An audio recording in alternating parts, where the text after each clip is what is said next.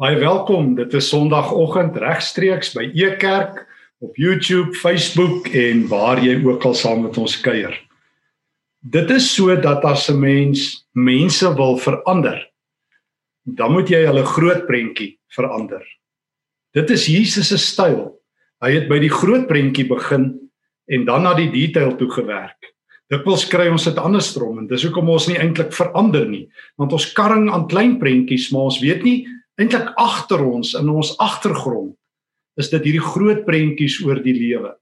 Een van die groot prentjies wat die Nuwe Testament verander is hoe mense na die tyd kyk. Ja, jy het reg gehoor, na die tyd. En ek waarborg jou, as jy God se woord goed hoor en reg hoor, gaan jy van nou af tot in ewigheid anderster na die tyd kyk en daarmee omgaan van die tyd gepraat. Um, ons almal het hierdie goeters, oorlosies. En ek het my oorlosie ook altyd byderhand omdat um, ek glo mens moet ook uh, jou tyd goed bestuur as jy die Here se woord bring. Maar uh, ek onthou die verhaal wat ek ergens gelees het wat ek net sommer hier op my selfoon het wat ek 'n stukkie van wil deel. Uh jy onthou Gulliver, die ou wat daar in die dorpie Lilliput aangekom het. Jonathan Swift se verhaal. Nou vertel hierdie Lilliput mense die volgende oor um, Gulliver, uh hierdie ou groot reus in hulle midde se oorlosie. Hulle sê toe hulle Gulliver se oorlosie gesien het. Ek haal dit nou in Engels aan. That wonderful kind of engine, a globe, half silver and half of some transparent metal, they identified it immediately as the god he worshipped. After all, he seldom did something without consulting it. He called it his oracle and said it pointed out the time for every action in his life. Ons is almal op oorlosietyd. Ons hou die tyd dop. Uh tyd loop, tyd vlieg, tyd gaan stadig verby. Jy ken al hierdie uitdrukkings. Maar die Nuwe Testament verander hoe ons oor die tyd per se dink. Vier dinge vandag oor tyd. En ek sluit aan vandag net by Hebreërs 1 vers 1. Tyd het verander na Christus tyd. Hebreërs 1 vers 1. In die verlede het God baie keer en op baie maniere met ons voorvaders gepraat deur die profete. Maar nou in hierdie eindtyd, hierdie laaste dae, het hy met ons gepraat deur die Seun. Tyd het Christus tyd geword. Tyd is nie net meer so aan een geskakelde lyn van gebeure, uh, verlede, hede en toekoms nie. Tyd het per se Christus tyd geword. As jy dus op jou horlosie kyk, moet jy in die geloof Christus daar sien. Jy is op Christus tyd. Hy bepaal tyd. Hy bepaal die tekstuur, die inhoud, die verloop. Jy sê nee, jy weet dit, maar meeste mense weet dit nie regtig nie. Want daar's 'n tweede element van tyd waaroor die Nuwe Testament praat en daarvoor blaai ek vinnig na Efesiërs 5 vers 16. Tyd is nou morele tyd. Ons is op Christus tyd, maar tyd het moreel geword. Efesiërs 5 vers 16 waar Paulus skryf: Maak die beste gebruik van elke geleentheid, want ons leef in 'n goddelose tyd. Paulus sê letterlik koop die tyd uit. En en lyk vir my dit is al wat uh, meeste ouens van die tyd weet. Dis 'n slegte tyd. Die eindtyd word vir die meeste ouens geïdentifiseer met corona, met ehm um, virusse en uh antivirusse en uh bepaalde figure. Almal is nou op loop en 'n koue koors oor die eindtyd. Niemand weet amper dat die Nuwe Testament sê die eindtyd is Christus tyd. So goed het die vroeë kerk geweet dat die tyd verander het dat hulle die jaartelling verander het na die uh na anno domini, die jaar van ons Here. Ons praat in Engels van BC en AD voor Christus en Christus tyd. Maar omdat baie Christene net uh, die eindtyd identifiseer en assosieer met monsters en drake en bloedmane en koronavirusse en merke en chips op die voorkop en regterhand en nie met Christus tyd nie. Ehm uh, verstaan ons die tyd verkeerd. Net laasweek vra ehm um, van die kerk persoon vir my, iemand wat nie van die kerk se is nie. Ek bedoel wat nie so baie kerk toe gaan nie. Vra hy vir my, "Hoekom is julle Christene so bang?" Ek sê, "Hoe bedoel jy?" Hy sê daar's nie 'n nuwe app nie op al die of al die Christene op Facebook sê, ehm um, onvriend my want nou nou nou nou is dit dalk die anti-kris. Hy sê en daar's nie ehm, 'n um, anti-middel teen die koronavirus nie of almal sê dis die merk van die dier. Of daar's nie 'n krisis nie of die ouens sê dit is nou die einde. Hoekom is julle Christene so bang vra hy? Al wat ek kon sê is ons het nie die gawe meer van die stam van Isaskar Uh, hy sê wie's dit? Ek sê 1 Kronieke 12 vers 32. Die stam van Isaskar kon die tye lees. In Matteus 16 as die godsdienstige leiers by Jesus kom en hulle vra vir 'n teken, dan sê hy vir hulle: "Kan julle nie die tyd reg lees nie? Julle is so goed om te sê as die wolke so is, dan gaan hierdie wind waai en as dit so is, dan gaan hierdie reëns val. Maar julle kan nie die tyd lees nie. Julle verstaan nie dat dit Christus tyd is nie. Ja, dit is so toegegee. Uh Efesiërs 5 sê die tyd kan ook sleg wees as jy nie op Christus tyd is nie. En as jy maandag tot saterdag in die lewe is, dan is jy partykeer op wêreldse tyd. En daarom moet jy tyd moreel maak. Wat bedoel ek daarmee? Tyd is nie net neutraal nie. Dis nie maar net 24 ure en daar gaan dit nie. Jy moet die tyd gryp. Carpe diem, seize the day, sê hulle. Carpe manana, gryp môre al. Maar maar 'n Christen uh kies om tyd op Christus tyd te kry. So, tyd Hebreërs 1 vers 1 Christus tyd. Tyd is tweedens moreel. Dis nie maar net neutraal nie. Jy kan nie maar net sê ek is uitgelewer aan die tyd nie. Jy moet iets met die tyd maak. Jy moet 2 Korintiërs 6 vers 1 en 2 waar maak. Vandag is die dag van die Here. Ek het groot geword dat ons dit net vir 'n Sondag gelos het. Paulus bedoel elke dag. Hartseer dat ons net een heilige dag gehad het. Tyd het heilig geword. Dis die punt van die Nuwe Testament. Tyd het Sabbat geword. Jy moet tog en uh, dis 'n ander gesprek Markus 2 en 3 gaan lees. Jesus sê hy is nou die Here van die Sabbat. Hy is nou die Here van die tyd. Hy bepaal jou oorlosie. Tyd is dus Christus tyd. Tyd het moreel geword. Derdens, tyd het geskuif na koninkrykstyd. Koninkrykstyd. Onthou jy hoe preek Jesus sy openingspreek, Markus 1 vers 15.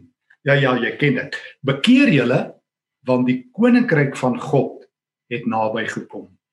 Die koninkryk van God is hier. Dis 5 voor 12 op die horlosie van die hemel. Dis Christus tyd, dis morele tyd en dis koninkrykstyd. Ehm um, die tyd is op hande. Maar ek wil nou eintlik vandag by saam met jou stil sal stil staan by 'n vierde element van tyd. So ons sê tyd, Hebreërs 1 vers 1 is nou Christus in. Hy beheer tyd. Hy is die inhoud van tyd. Tweedens, tyd is moreel. Jy moet dit uitkoop. Jy moet elke dag die dag van die Here verklaar. Jy sit nie en wag vir die regering om 'n vakansiedag te hê of vir die kerk om 'n feesdag uit te roep nie. Jy maak elke dag God se dag. Derdens, die koninkryk is op pad. En nou vierdens, omdat jy die koninkryk tyd reg lees, omdat jy Jesus se styl ken, lees jy 'n nuwe oorlosie. Jy is nou op mense tyd. Laat ek verduidelik. Laat ek verduidelik. Matteus 25 vers 31 vertel Jesus 'n kanon van 'n gelykenis. Hy um, vertel 'n gelykenis wat as jy net dit reg verstaan, ons letterlik vir altyd anderster tyd gaan lees en gaan inrig. Jesus doen 'n oop boek eksamen. Nou jy weet wat 'n oop boek eksamen. Hy sê jy hoef nie te studeer vir hierdie uh, eksamen nie. Jy kan jou handboek saambring. Ek gee nou al vir jou die vraestel. Ek lek dit uit. Hier is die vraestel, die laaste vraestel, die laaste vraag wat ek vir jou gaan vra. So, hier is dit nou vir jou vooruit. Die koninkryk van God, jy is nou op Christus tyd, jy's besig om tyd moreel te maak. Jy weet die koninkryk kom. So kom ek vertel vir jou, wat gaan ek Jesus Christus, die seun van die mens, op die laaste dag as die koninkryk aanbreek vir jou vra. Hoe gaan jou eksamenvraestel wees? So. En dan kan jy besluit of jy daai vraestel gaan slaag of nie. Stop net gou vir 'n oomblik. Mense vra baie vir my en ek het nou die dag ook daarna aan 'n vorige boodskap verwys hier by ons um, e-kerkdienste. Dat baie mense onseker is vir wat lê voor op die laaste dag. Dit het ons stil gestaan by onthou jy Openbaring 20 vers 11 tot 15 waar ehm um, waar ons sien dat Jesus die foto van ons lewe lig gegee het. Maar Jesus sê um, jy kan presies weet. Dis nie 'n verrassing nie. Die eksamen gaan nie 'n verrassing op jou wees nie. So gaan die eksamen lyk. Dis net vliegtye wat hier oor ons huis vlieg. Matteus 25 vanaf vers uh, 31 wanneer die seun van die mens in heerlikheid of in majesteit kom saam met al die engele van hom sal hy op sy koninklike troon gaan sit al die volke sal voor hom bymekaar gebring word en hy sal mense van mekaar skei soos 'n wagter skape en bokke skei skape regs en die bokke links dan sal die koning vir die aan sy regterkant sê kom julle wat deur my vader geseën is die koninkryk is van die skepping van die wêreld af vir julle voorberei neem dit as erfenis in besit. Want ek was honger en julle het vir my iets gegee om te drink, te eet. Ek was dors en julle het my iets gegee om te drink. Ek was 'n vreemdeling en julle het my gehuisves sonder klere. Julle het vir my klere gegee. Siek en julle het my verpleeg in die tronk en julle het my besoek. Dan sal die wat die wil van God gedoen het, hom vra Here, wanneer het ons u honger gesien en u gevoed of dors en u iets gegee om te eet? Wanneer het ons hier 'n vreemdeling gesien in u gehuisves of sonder klere en vir u klere gegee? Wanneer het ons u siek gesien of in die tronk en u besoek? En die koning sal dan antwoord: Dit verseker ek julle, sover julle dit aan een van die geringstes van hierdie broers gedoen het, het julle dit aan my gedoen. Dan sal die koning vir die aan sy linkerkant sê: "Gaan weg van my, julle vervloektes. Gaan na die ewige vuur wat vir die duiwel en sy engele voorberei is. Ek was honger Julle het my niks gegee om te eet nie. Ek was dors en julle het my niks gegee om te drink nie. Ek was 'n vreemdeling, julle het my nie gehuisves nie. Sonder klere, julle het my nie klere gegee nie. Siek en in die tronk, en julle het my nie versorg nie. Dan sal hulle ook sê, Here, wanneer het ons u honger of dors of 'n vreemdeling of sonder klere of siek of in die tronk gesien en nie gehelp nie? My sê, dit verseker ek julle, vir soverre julle dit aan een van hierdie geringstes nie gedoen het nie, het julle dit ook nie aan my gedoen nie. Koninkrykstyd. Jesus sê, luister, jy leef nou op Christus tyd. Ek bepaal tyd sê die Here. Jy leef nou op morele tyd. Jy moet die tekstuur van jou tyd, jou lewe verander. Derdens, die koninkryk is op pad nou gaan dit oor mense. Nou, nou, nou moet jy die tyd volmaak sodat jy die eksamen vraestel aan die einde van jou lewe kan slaag. Hoe lyk dit? Wat gaan Jesus op die laaste dag vir jou en my vra? Wat het jy gedoen toe mense honger was? Toe hulle dors was? Toe hulle kaal was? Toe hulle vreemdelinge was? Toe hulle siek was? Toe hulle uh, gevangenes was? Was jy daar vir hulle? Want weet jy waar is Jesus? Jesus is te sien in al daardie mense. Jesus is nie weg nie. Jy vang nie net vir Jesus op op sender kerk Sondagoggend 9uur nie. Wel, ek het so gedink. Ek het gedink God is meer in die kerk as wat hy in die wêreld is. Ou dominee en ou pastoor het selfs gesê welkom in die huis van die Here. Ek gedink die Here bly daar, dis sy adres. Maar Jesus sê, weet jy wat? Ek is op 10000 plekke. Ek is in Suid-Afrika. Maar maar as jou tydkonsep verkeerd is, as jy net alles sien wat verkeerd is en alles wat sleg is en as jy net die hele tyd besig is soos baie ons in die kerk om te stry wie die regte leerstukke en wie is reg oor dit en dat en nog 'n vergadering en nog 'n keer sit en jy's nie in my wêreld nie. Ek gaan nie in my toets slaag nie.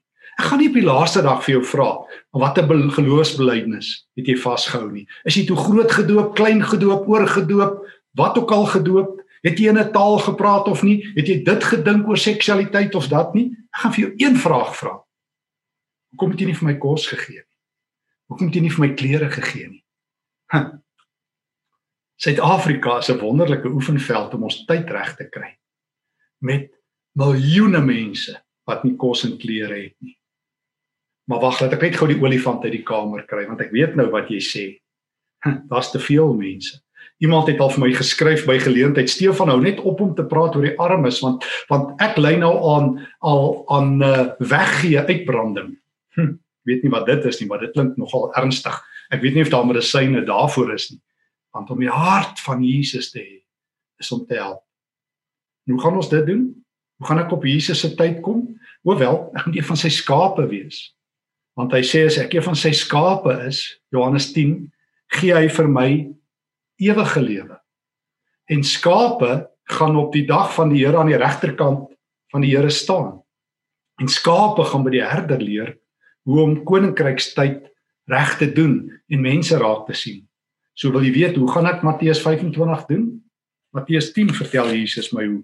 Kom ons kom ons hoor wat sê hy in Matteus 10. Sommige net een vers. Ek lees dit vir jou.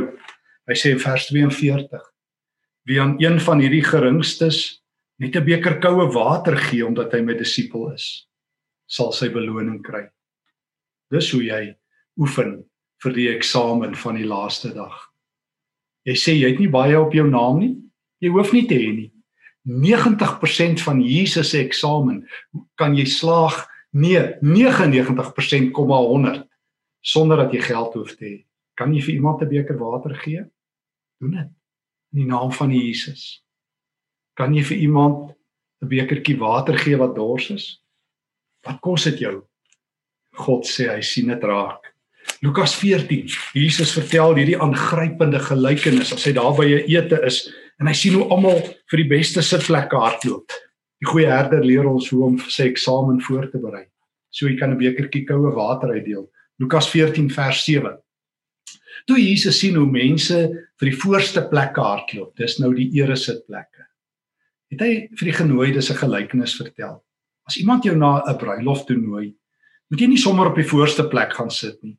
Dit kan net wees dat die gasheer iemand belangriker as jy genooi het, dan sal hy vir jou sê, "Staan jou plek af en gaan sit agter." Gaan sit liewers op die agterste plek. Wanneer die gasheer kom, sal hy vir jou sê, "Vriend, kom sit hier voor." En elkeen wat hoogmoedig is, sal verneder word. En hy wat homself nederig ag, sal verhoog word. En toe sê hy vir die gasheer, Jesus. As jy nou weer 'n ete hou, moet jy nie jou vriende of jou broers of jou familie of jou ryk bure uitnooi sodat hulle jou waarskynlik ook weer uitnooi en jou op hierdie manier vergoed nie. As jy 'n feesmaal hou, hoor nou, nooi die armes, die krepeles, die verlamdes en die blindes. Jy kan so bly wees dat hulle niks het om jou mee te vergoed nie. God sal jou vergoed op die opstanningsdag. So oefen jy vir die opstanningsdag. So kom jy op Jesus se tyd. Wat doen jy? Jy deel bekers koue water uit. Jy uh as jy weer 'n feesmaal hou, hou jy dit vir die armes, die krepeles, die lammes en die blindes. En God sal dit raak sien. Hy sal dit raak sien. Nee, jy doen dit nie vir jouself nie. Jy doen dit omdat die hart van die Here in jou binneste klop. Dan slaag jy God se eksamen. Dan is jy besig om op koninkrykstyd te presteer. Hm, maar ek weet nou wat jy sê. Ja, ek probeer help, ek gee maar. Daar's so baie armes, hoe sê iemand nou eendag vir my, moet ek 'n ouens help by die robotte? En iemand anders sê nou eendag weer vir my, hulle gee maar, dis op daai ouens se gewete. Doen jy dit ook? God kies om te verskil. Kan ek jou goue vraag vra as jy vir jouself sê ek gee maar net en dit is op mense se gewete. Sal jy dit doen met jou ander geld? Sal jy jou hardverdiende geld sommer net so vir iemand gee en sê ag julle kan maar daarmee doen wat julle wil? Nou kom doen nie dit dan met God se geld. Selfs daai R2 wat jy weggee, wie sê dit is jou geld? Jy's 'n bestuurder van God se geld. Paulus leer my in 2 Tessalonisense 3 vers 10. Hy sê dit dit staan in God se woord. Hy sê as iemand nie wil werk nie, dan moet hy ook nie eet nie. Hy sê daar's mense by julle wat leeg lê Uh, hy sê ons het by julle dag en nag gewerk. Hy sê maar uh, daar's mense by julle wat leeg lê en wat nie wil werk nie. Wat nie mense wat nie wat kan werk, maar nie wil werk nie. Jy kan nie help nie, God sê so. Mense wat hulle self bedrieg. en maak of hulle arm is. Jy mag hulle nie help nie. Jy het 'n verantwoordelikheid. So jy kan nie maar net geld weggee soos jy wil nie. In elk geval as jy R2 onnoukeurig weggee, want vir R2 weggee en vir 2 miljoen rand weggee, dis die Here se. So hoe doen jy dit? Jy groei 'n verhouding. Jy gee in verhoudings weg. Jy raak betrokke by bedienings wat jy kan vertrou, wat jy weet die Here se geld met wysheid weggee. Dis hoe jy dit doen. Sê nie mag nie vir 'n ou by 'n verkeerslig gee nie, maar maak seker dat daar 'n verhouding is. Jy gee nie om jou gewete af te koop nie. Jy gee want jy mik om Jesus raak te sien in iemand. En ek sê weer, Paulus het gesê in 2 Korintiërs 11, die duiwel kan op 'n tydjie 'n engel van die lig verander. So maak seker dat dit Jesus in vermomming is as jy gee. Ek het groot geword um dat ons hierdie uitdrukking gehad het in ons huis. Ons gee by die kerk. Ons het ons het ons weggee in so 5 minute afgehandel. Daai dae was daar nog so check en dan kom die diaken, dan gaan sê my pa, Stefan gaan haal die chequeboek. Haal ek die chequeboek uit en skryf my pa die maandelikse check en dan gee hy vir die kerk. En uh dan is ons plig afgehandel. En elke ou wat by ons kom en sê Ek kry swaar as jy my ma. Ons gee by ons kerk. Ons gee by ons kerk. Ons gee by ons kerk. Ons was geïsoleer van weggee 30 dae van die maand. En ehm um, toe kom die Here en hy kom karring in my hart en hy sê gee, dis net iets wat jy vir die kerk gee nie. O, jy moet ook jou bydrae gee, maar jy gee jouself. Het jy agtergekom die Nuwe Testament sê niks oor tiendes nie. O nee, dit sê iets oor tiendes. Jy moes dit ook al raak gelees het. Matteus 23. Die Fariseërs gee tiendes van kruistement en koljander, maar hulle laat die hart van die wet na. Lukas 18. Die tollenaar en die Fariseer. Daai Fariseer gee twee tiendes en sy saak met God is nie reg nie. Dis al wat die Nuwe Testament oor tiendes sê. Die Nuwe Testament sê jy gee jouself. Jy gee jouself. Daarom kan Johannes die doper in Lukas as die mense na hom toe kom, hulle vra: "Johannes, wat moet ons doen sodat ons want hy preek die koninkryk is op hande, sodat ek op koninkrykstyd kan lewe?" Hy sê: "O, ek bly julle vra. Gaan sit, gaan sit in 'n kerk, ehm um, gaan woon elke erediens by, uh, wees baie versigtig vir die wêreld." Nee, nee, nee, nee, hy sê dit nie. Hy sê as jy twee stelle klere het, kan jy een weggee. En Saggeus daar in Lukas 19, as hy daai daai wilde vrye boom val tot in die koninkryk, Hoe kom hy? Hoe verander sy verstaan van tyd? Hoe kom hy op Christus tyd? Hoe maak hy tyd moreel? Hoe berei hy vir die eksamen voor van die koninkryk? Hy kom op mense tyd. Die vier dinge. Hy sê Here, as ek iemand ingedoen het, gee ek dit hoeveel keer terug? Viervoudig. En wat gaan ek vooruit doen met my geld? Van nou af gee ek die helfte weg van al my besittings. So die armste mense en die rykste mense gee hulle self. 2 Korintiërs 8 die Macedoniese Christene is op koninkrykstyd. Hulle is brandarm skryf Paulus in 2 Korinte 8 vers 1 tot 5. Hulle het hulle self eers aan die Here gegee en toe aan mekaar. So hoe koop jy die tyd uit?